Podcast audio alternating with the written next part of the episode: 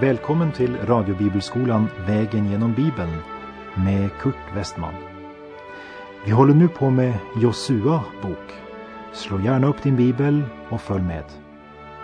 Programmet är producerat av Norea Radio.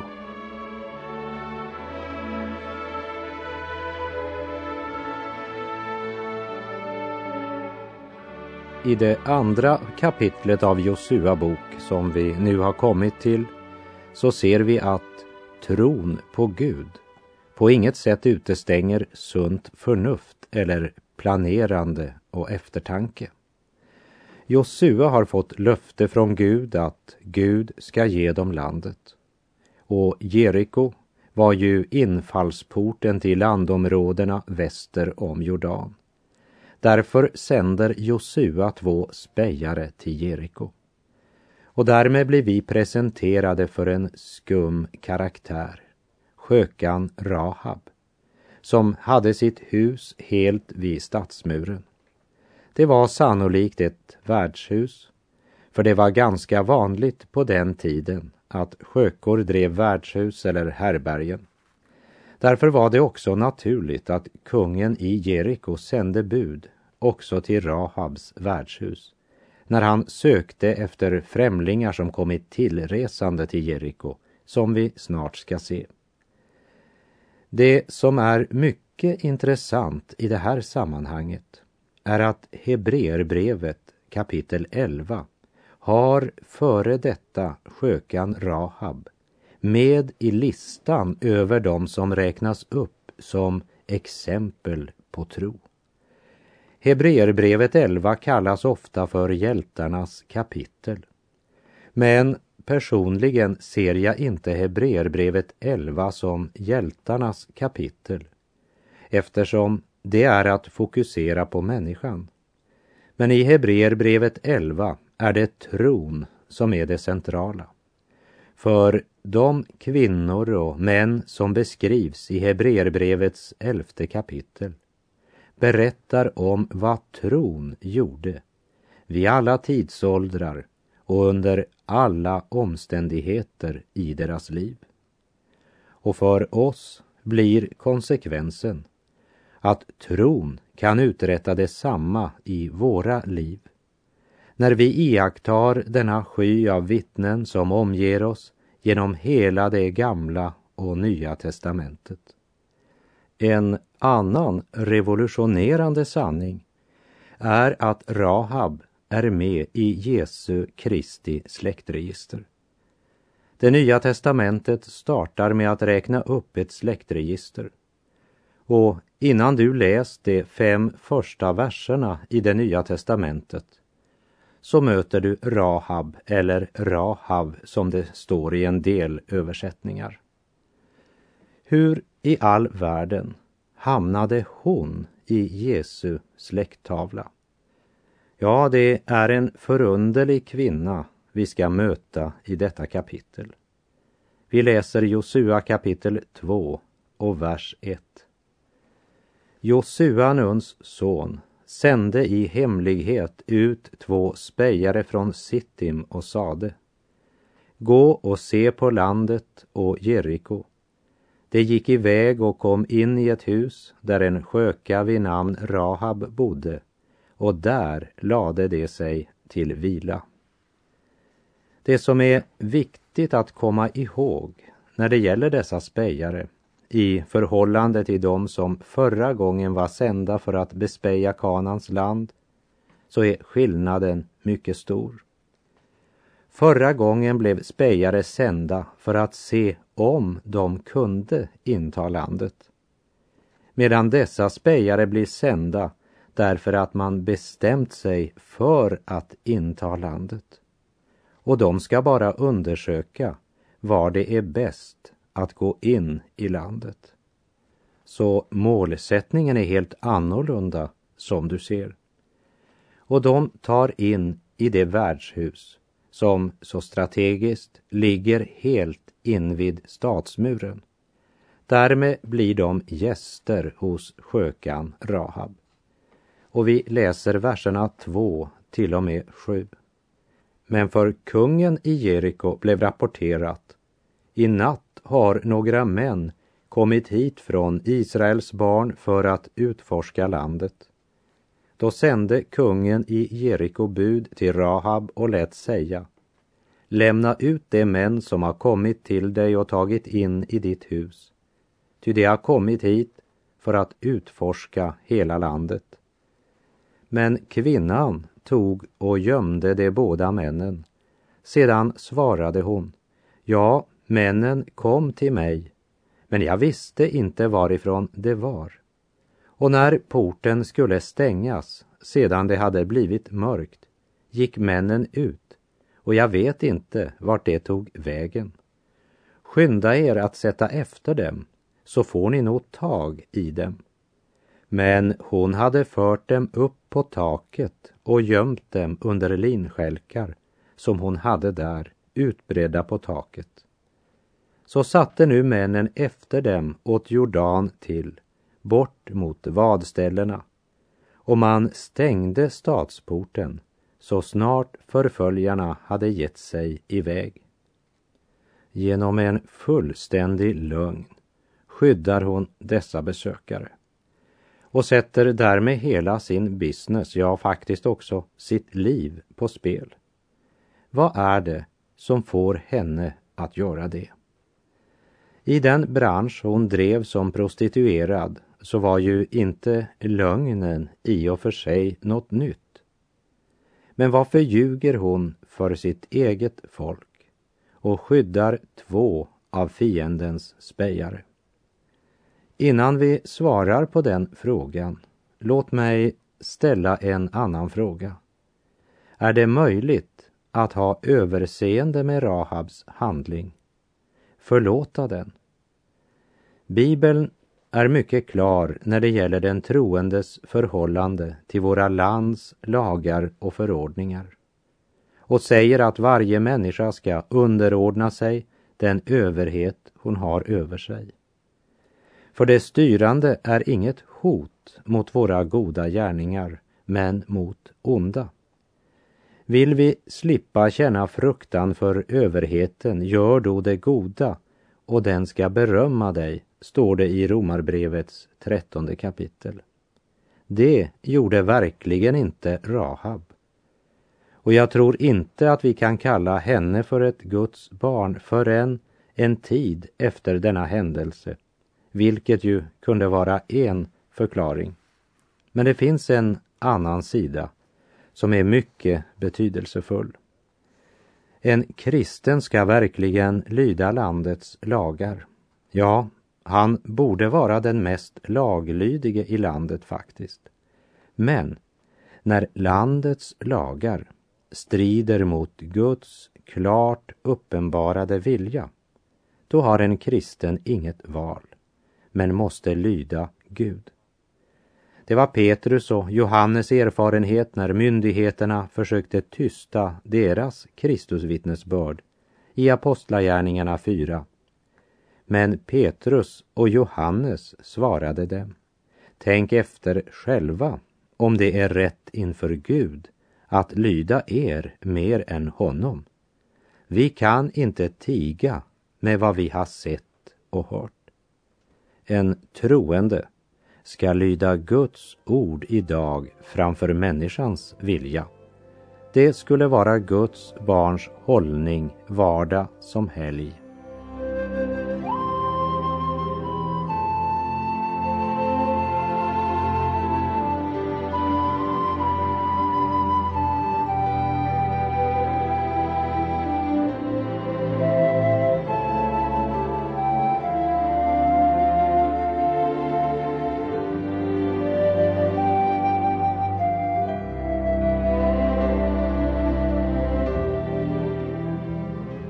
Men nu ska vi låta Rahab svara på vår första fråga. Varför beskyddade hon fienden? Vi läser i Josua kapitel 2, verserna 8 och 9. Men innan de främmande männen hade lagt sig steg hon upp till dem på taket och sade till dem. Jag vet att Herren har gett er detta land och att förskräckelse för er har fallit över oss. Ja, att alla landets inbyggare är i ångest för er. Hon ger oss en glimt bakom fasaden.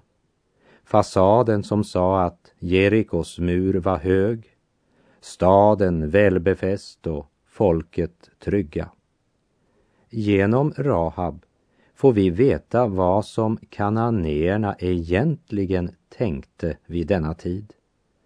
Ryktet säger att ett starkt och mäktigt folk nu är på väg mot dem och att de kommer att inta landet. Ja, vid Sjökans värdshus hade nog snacket gått livligt och hon hade lagt märke till hur rädda alla var på grund av Israels framfart på andra sidan Jordan.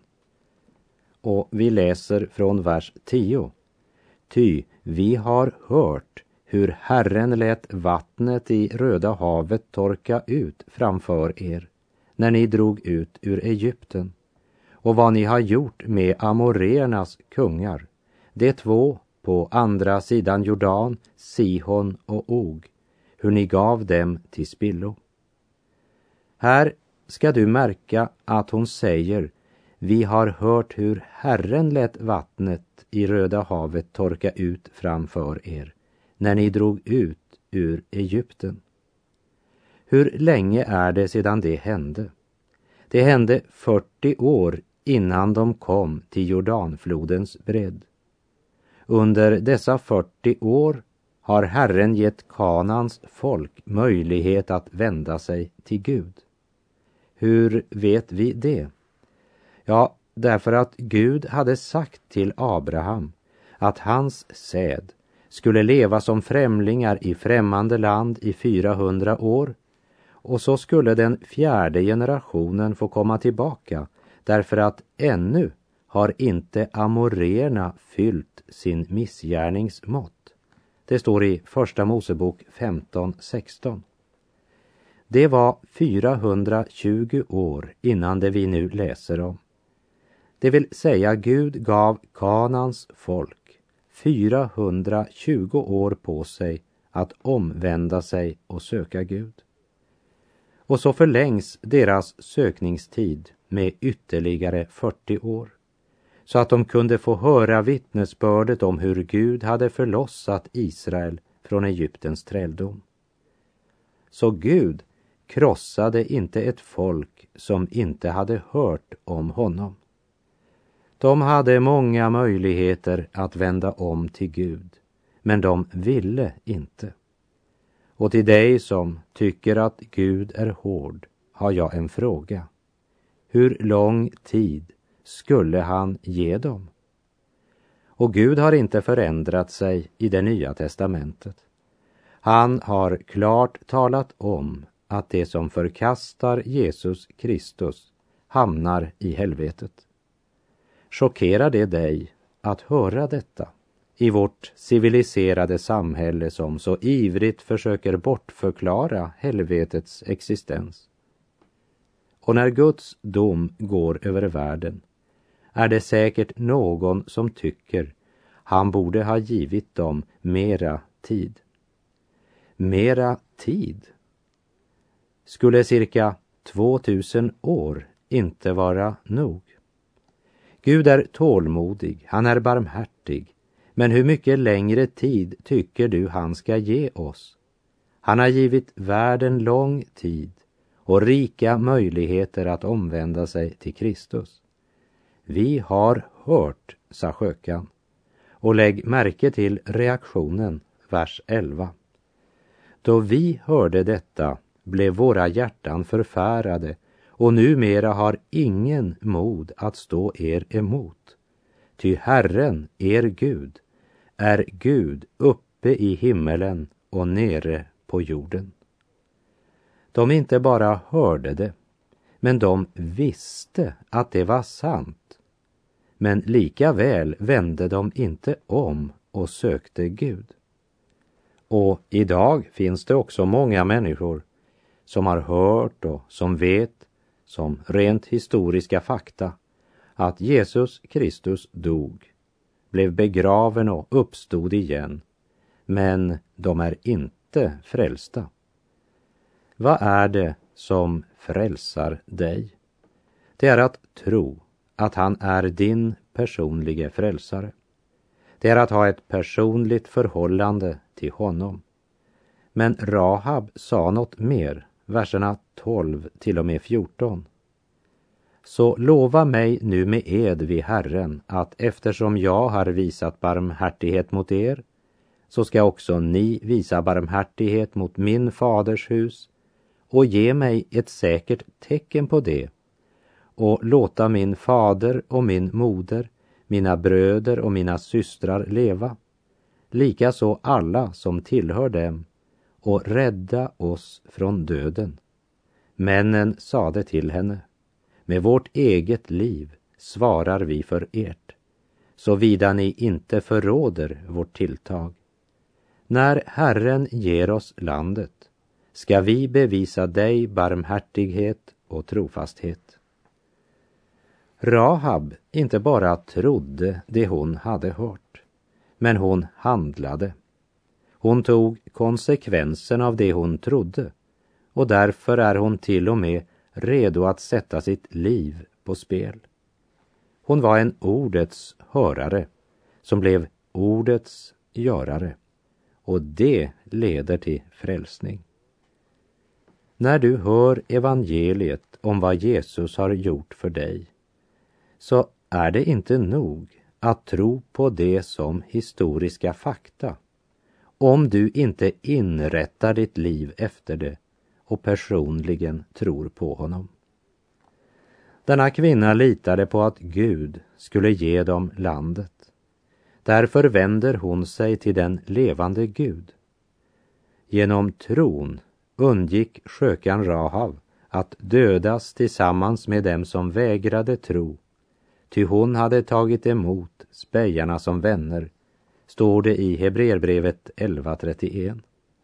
Och de två spejarna de lovar att alla i hennes släkt som befinner sig i huset när Jeriko angrips, de ska bli räddade.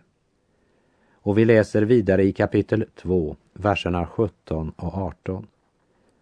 Och männen sade till henne, vi vill lika väl vara fria från den ed som du nu tagit av oss, om du, när vi kommer in i landet, underlåter att binda detta röda snöre i det fönster genom vilket du har släppt ned oss. Och likaså om du inte har din fader och din moder och dina bröder, alla av din faders hus, samlade hemma hos dig. Om eh, kungen i Jeriko hade vänt sig till Gud hade även han blivit räddad. Ja, hela staden Jeriko hade kunnat bli räddad om de hade trott på Gud och vänt om till honom.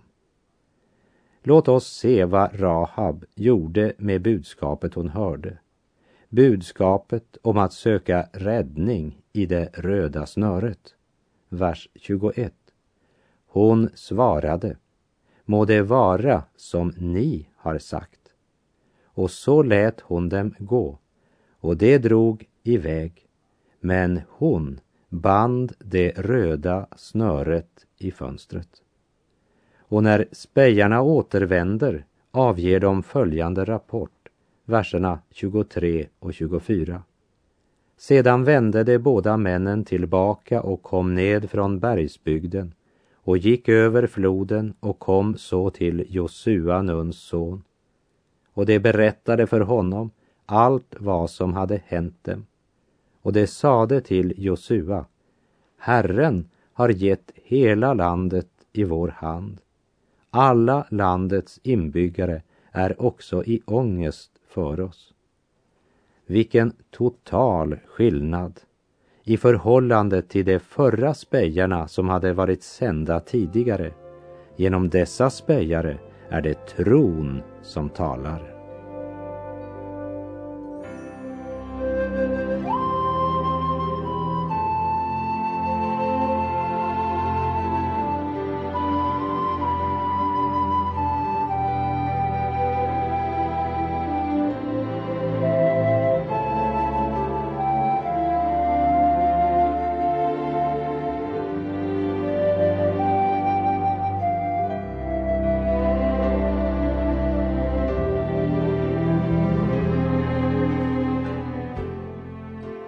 Har vi kommit till ögonblicket då de ska gå över Jordan. Vilket verkligen är trons vändpunkt när det gäller Israels barn. Cirka 40 år tidigare hade de mött liknande svårigheter och hinder och då hade de svikit. Att starta vandringen genom öknen och att vandra genom Röda havet var ju ett steg i tro. Men att gå över Jordan för att inta Kanans land krävde långt mera tro eftersom det inte fanns någon möjlighet att fly. För när de väl befann sig i landet var de tvungna att möta dessa mäktiga fiender med hästar och vagnar och beväpnade arméer och välbefästa städer. Men hela nationen tog gemensamt detta steg i tro. I fullständig lydnad till vad Gud sagt. I full tillit till vad Gud hade lovat. Och vi läser i Josua kapitel 3, verserna 1 till och med 4. Tidigt följande morgon bröt Josua med alla Israels barn upp från Sittim och kom till Jordan. Där stannade de under natten innan de gick över. Men efter tre dagar gick tillsyningsmännen genom lägret och befallde folket och sade Så snart ni får se Herrens, er Guds förbundsark och att de levitiska prästerna bär den ska också ni bryta upp från er plats och följa efter den. Låt dock mellan den och er vara ett avstånd av omkring två tusen alnar. Närmare må ni inte komma den, för att ni må kunna veta vilken väg ni skall gå. Ty ni har inte förut dragit fram den vägen. När de hade gått genom Röda havet så hade Mose lyft sin hand över havet och vattnet hade stått som en mur på båda sidor. Men nu är det något mera som sker. Guds förbundsark ska dra framför folket två tusen alnar, alltså mer än en kilometer. Och de ska inte rusa med en gång, som det står i vers 5. Och Josua sade till folket, helga er, ty imorgon ska Herren göra under bland er. Helgelse och gudsfruktan var ett framträdande drag i den gamla pakten. Den som tror hastar inte. Det gavs en väntetid som också var en speciell förberedelsetid. Och den tiden är ofta något av det viktigaste i allt det som sker i Guds rike. Och när man ska gå över Jordan så är det viktigt att det sker på ett sätt som gör det helt klart för folket att det som sker är ett Herrens under. Det är eh, Gud som gör det. Och vi läser vers 15.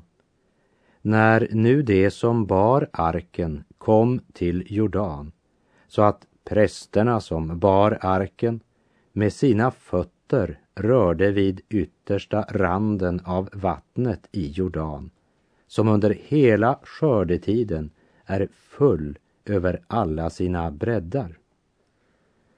Mänskligt sett ser det inte ut att vara den rätta tiden. Jordanfloden var full, över sina breddar. Och för det mänskliga förnuftet så var det närmast omöjligt att gå över Jordan vid denna tid. Kanske tänkte också folket i Jeriko att de i alla fall hade många, många dagar, kanske veckor innan Israels barn kunde passera. En viss oro för framtiden kände man nog, men man tröstade sig kanske med att det var ju ingen överhängande fara. Inte än. Samtidigt visste man att ryktet hade sagt att deras Gud hade på ett mäktigt sätt fört dem genom det röda havet. Vers 16 och 17. Då stannade det vatten som kom uppifrån och blev stående som en samlad hög långt borta uppe vid Adam, staden som ligger bredvid Saretan. Och det vattnet som flöt ned mot Hedmarkshavet, Salthavet, blev sålunda helt och hållet avskuret. Och folket gick över mitt emot Jeriko. Men prästerna som bar Herrens förbundsark stod orörliga på torr mark mitt i Jordan. Och hela Israel gick över på torr mark tills allt folket helt och hållet kommit över Jordan. Guds ark stannade den starka strömmen helt uppe vid Adam. I Jeriko har jag varit, men jag har aldrig lyckats lokalisera staden Adam. Vad har den staden för betydelse egentligen? Ja, djupast sett är det den staden som vi alla kommer ifrån. I den betydelsen att vi alla härstammar från Adam. Och genom Adam kom synden och döden in i världen. Det som sker vid Jordanfloden representerar Kristi död och uppståndelse och hans fullbordade frälsningsverk på korset. Guds ark är en av de finaste illustrationer av Herren Jesus Kristus som det berättas om i Bibeln. Den var verkligen Israels barns centrum. Genom hela vandringen så slog alla tolv stammarna alltid läger runt omkring arken som var placerad i tabernaklet. Men nu, för första gången i Israels historia, går arken först, liksom Kristus går först i Jordanfloden. Så är Kristus den som gått före oss i döden. Han är också den som idag lever och går med oss vart steg på vandringen genom denna värld. Och han är det första vi ska möta på uppståndelsens morgon. Jesus lever. Vi har ett levande hopp. Och vi får ha det stora privilegiet att här i tiden få leva i ett nära och personligt förhållande till honom och genom honom inta löfteslandet här i tiden. Och med det så är tiden ute för den här gången. Och jag säger på återhörande om du vill. Herren vare med dig. Må hans välsignelse vila över dig. Gud är god.